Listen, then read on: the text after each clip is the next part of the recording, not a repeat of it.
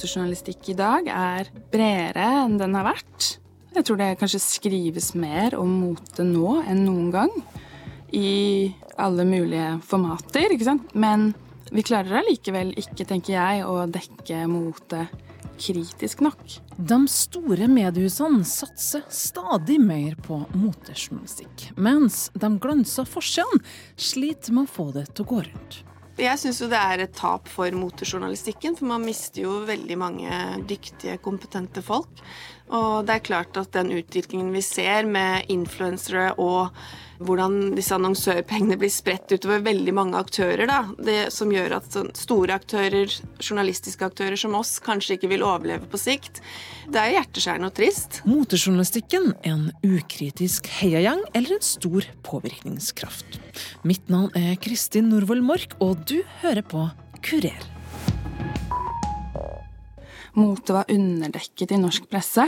Da Dagens Næringsliv for elleve år siden startet opp sitt nye helgemagasin, ble mote en naturlig del av satsingsområdet. Det kan reportasjeleder i D2, Live Fedog Thorsen, fortelle. Så var en av hovedideene til D2 å behandle visuell kultur som kunst, arkitektur, design og mote. Og dekke det med på en måte et større alvor og kanskje større ambisjoner enn konkurrentene. Og der, særlig når det gjaldt motejournalistikk, så var det et rom. En annen grunn til at vi bruker tid og ressurser på motebransjen, eller motejournalistikk, er at mote bare blir større og større. Um, og i utlandet er det en kjempeindustri. Så det er ikke bare pynt og fjas. Det er enorme penger i omløp, det er makt. Eh, og mange av strømningene og endringene i samfunnet kommer først til syne i mote. Dagens Næringsliv var klar for mer motestoff, men motebransjen var kanskje ikke helt klar for arbeidsmetodene til DN. I starten så merket vi at de store internasjonale annonsørene kanskje var vant til mer, et mer samarbeid enn, enn vi var villige til å gå med på. Eh, og det resulterte bl.a. i at vi ble boikottet av en stor eh, annonsør fordi vi ikke ville trykke pressematerialet deres. Eller så fikk vi ikke helt sånn konkret tilbud om ferdig skrevne artikler og bilder.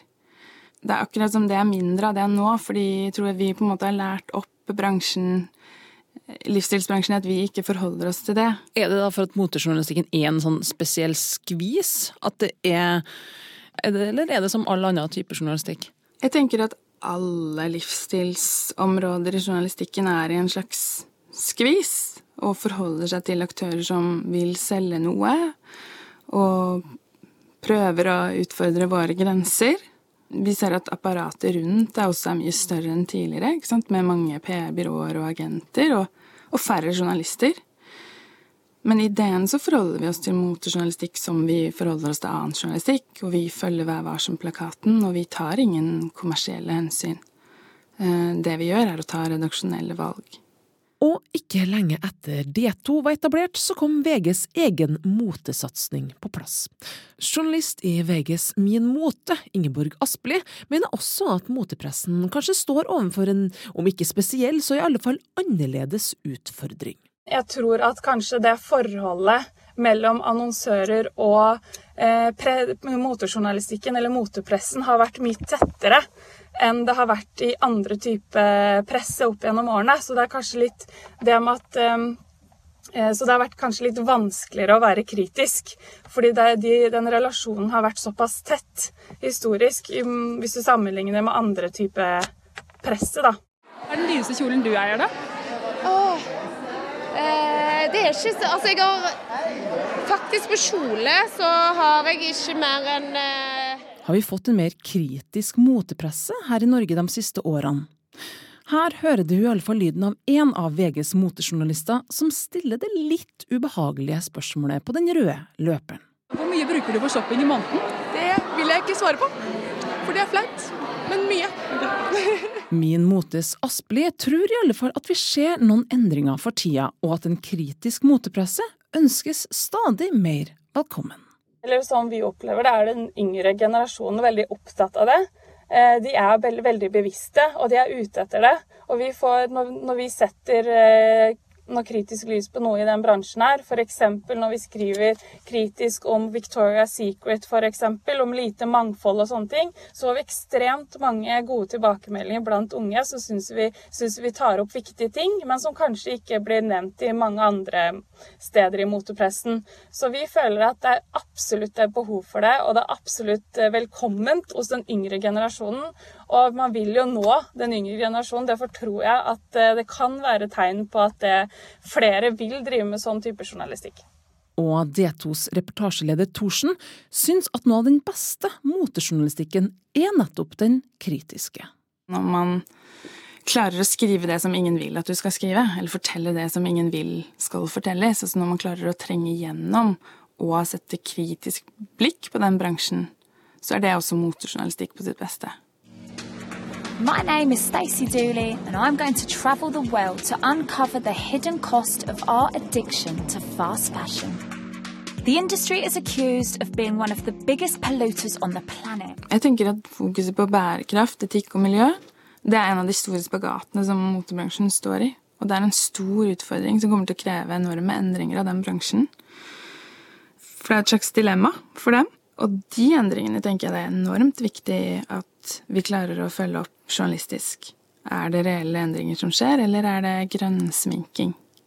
Men uh, tror dere at dere har en såpass stor påvirkningskraft at dere kan liksom være med å endre den oppfattelsen at ja, kanskje vi ikke skal kjøpe nye klær hele tida, eller blir det liksom å jobbe motstrøms i og med at det hele tida designes nye klær?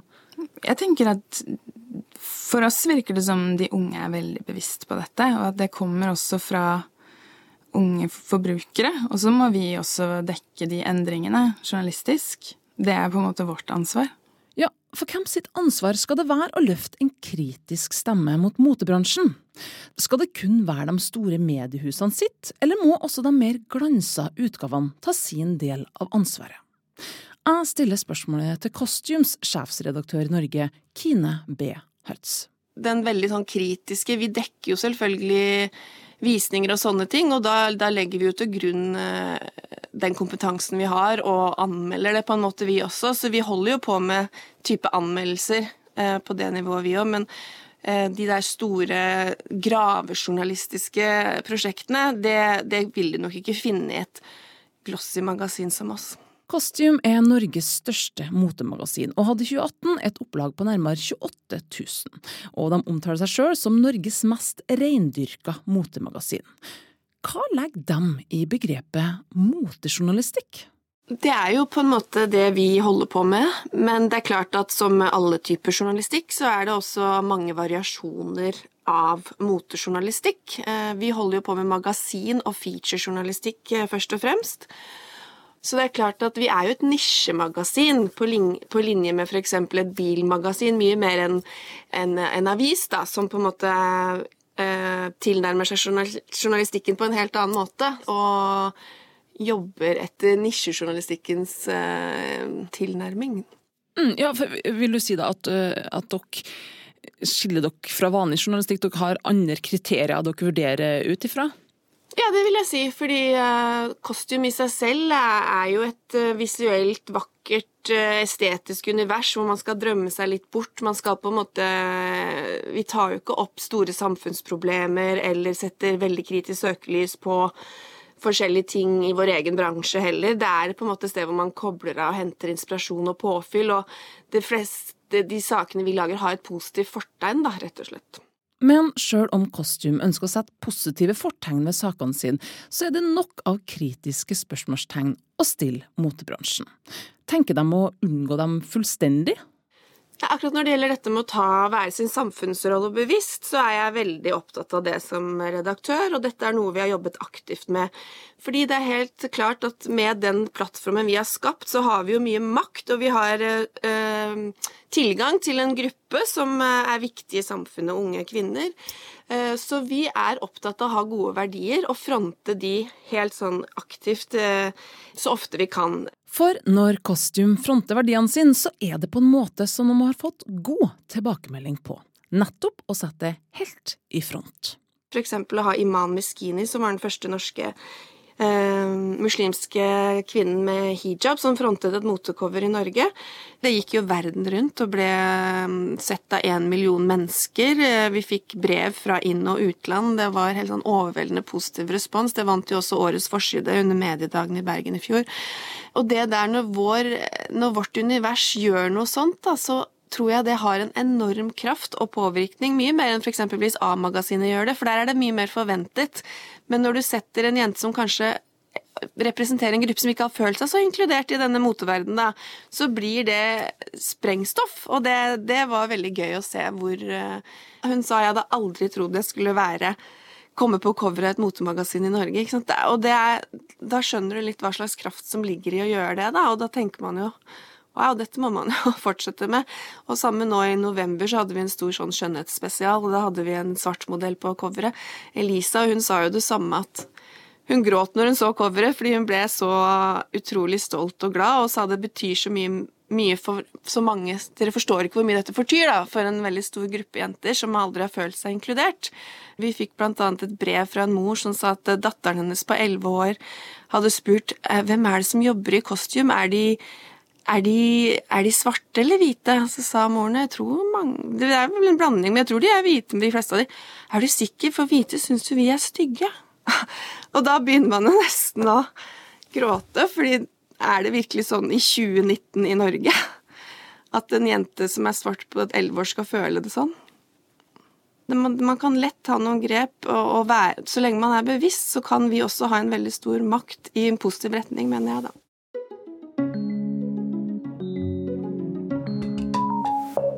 Hvis man leter litt i klesskapet til moteindustrien, så er det ikke vanskelig å se at bransjen har sine velkledde svin på skogen. Men er det enklere å stille seg kritisk til de store, stygge utenlandske moteaktørene, mens vi samtidig applauderer norsk design ukritisk? Min motes reporter Ingeborg Aspelid har tidligere vært både journalist og redaktør i det uavhengige motenettstedet Melk og honning.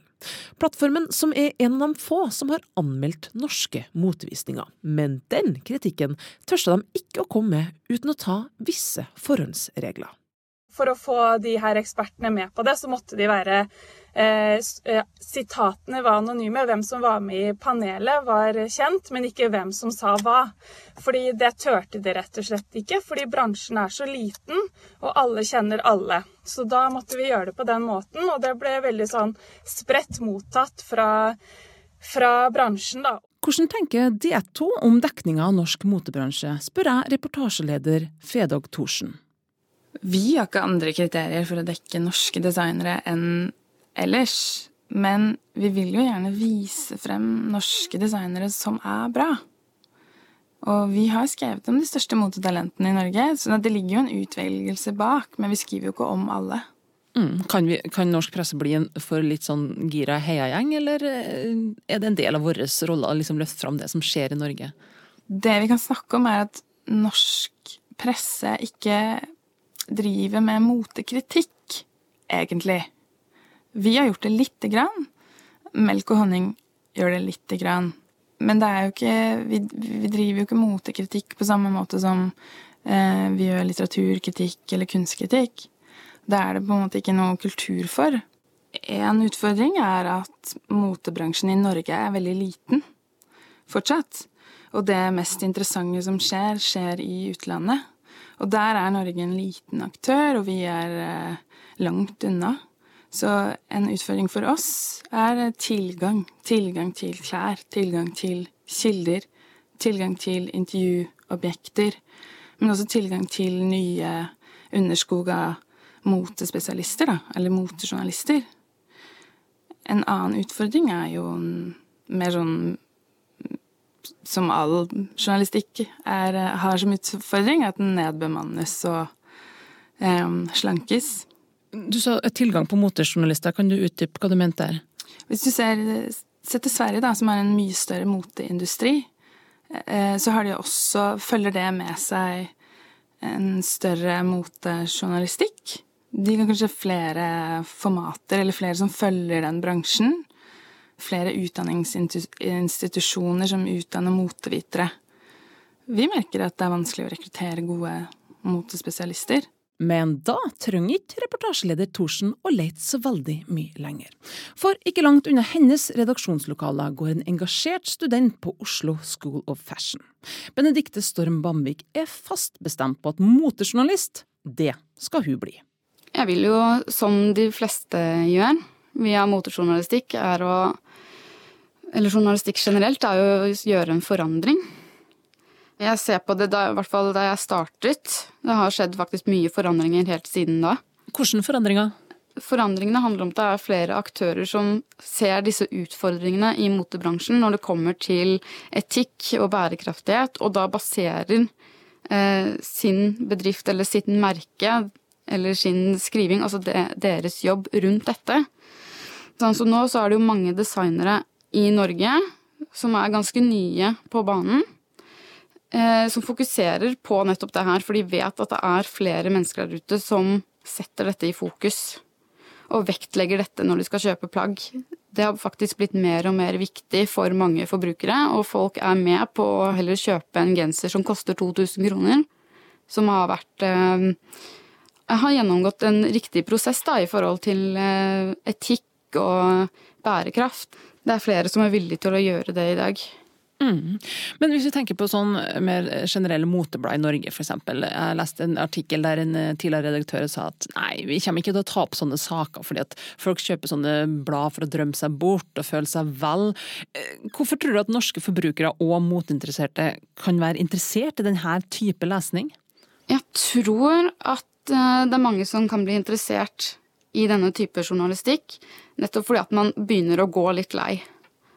Eh, det som da de store magasinene skriver om.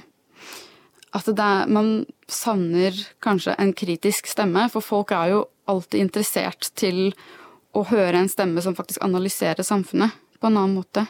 Jeg tror du alle dem som eh, kjøper seg L eller kostym, er, har lyst savne den kritiske stemmen? Nå er, sånn, nå, er, nå er jeg litt kritisk, men tror du det?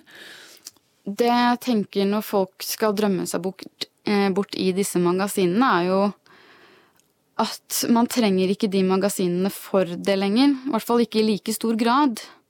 For man har så mye på sosiale medier, og det er veldig lett å seg frem, eh, lete seg frem.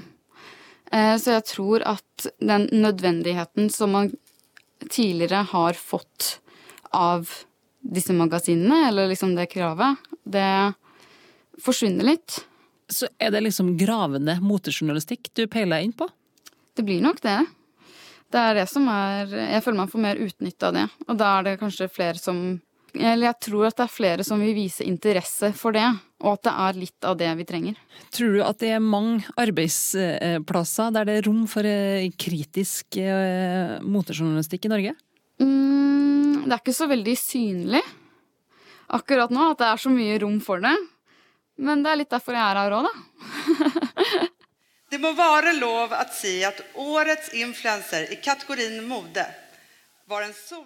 Hola amigos! Uh, today I want to do a new video about my wardrobe this season. Uh, I got a lot of questions. For hvor stort er behovet for motejournalister når motebloggerne gjør det bedre enn noensinne, og influenserne forsyner seg med en stadig større del av annonsepengene?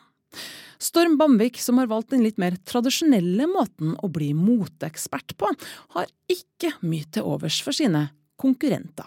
Det jeg tenker at Hvis folk er faktisk ute etter å ha moteriktig innhold, så burde de ikke gå til influensere. Hvorfor det?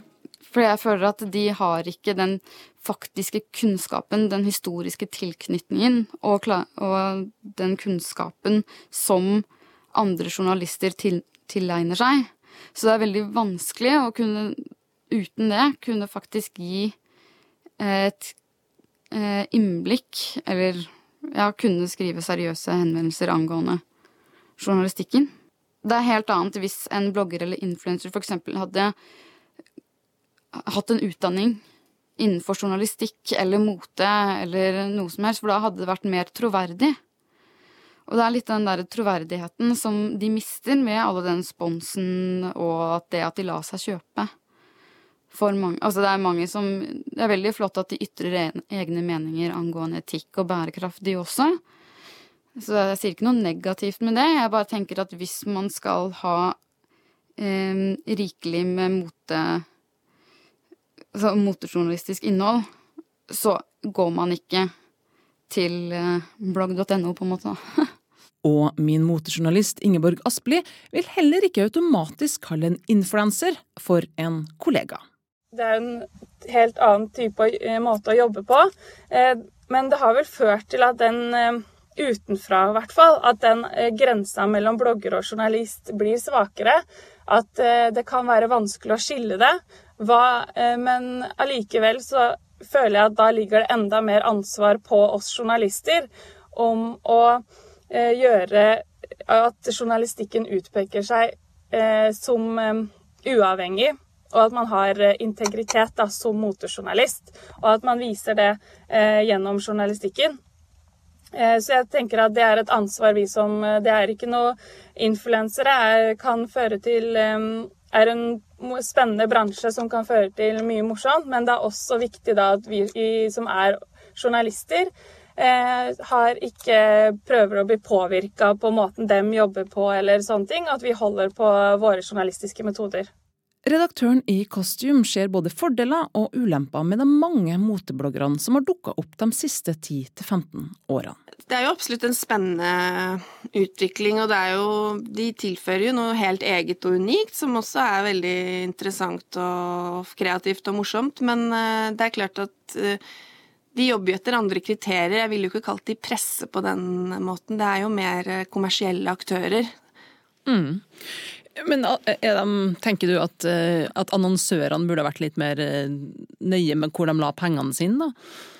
Eh, vi får bare se. Nå er dette noe som er veldig på topp akkurat nå, men ting går jo i svingninger. Jeg håper jo bare at motemagasinene overlever, da. Fordi jeg tenker at de har noe helt unikt, og fordi de er en journalistisk plattform mye mer enn de er, da. Så hvis det er jo veldig synd hvis, um, hvis det bare blir kommersielle aktører som dekker mote.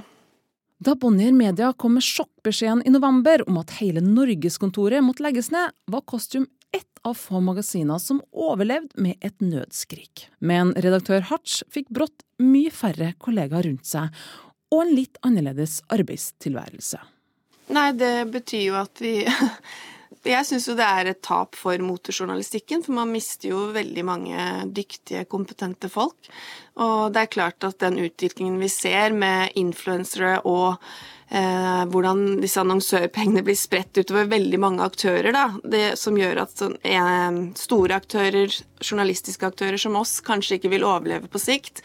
Eh, det er jo det er hjerteskjærende og trist. Eh, så det er jo ganske lang Jeg begynte jo fra jeg begynte som eh, motejournalist i L, da. Det er jo ja, mange 10-15 år siden. Og da, da, var det jo en helt annen eh, Det var jo mye mer penger i, systemet vårt, på en måte. Sånn har man jo sett overalt. Alle journalister vet jo hvordan dette her har utviklet seg. Men det som er gledelig å se, er jo at eh, dagspressen eh, og andre har jo begynt å finne andre forretningsmodeller. De har begynt med betalingsmur, og det ser de at fungerer. De tør å satse på å ta seg betalt for det innholdet de lager. Da. Og det tror jeg også er veien kanskje for oss å gå etter hvert for å overleve, fordi jeg tror man må ta seg selv på alvor og tørre å ta seg betalt for det innholdet man lager på nett også, for å kunne overleve. da.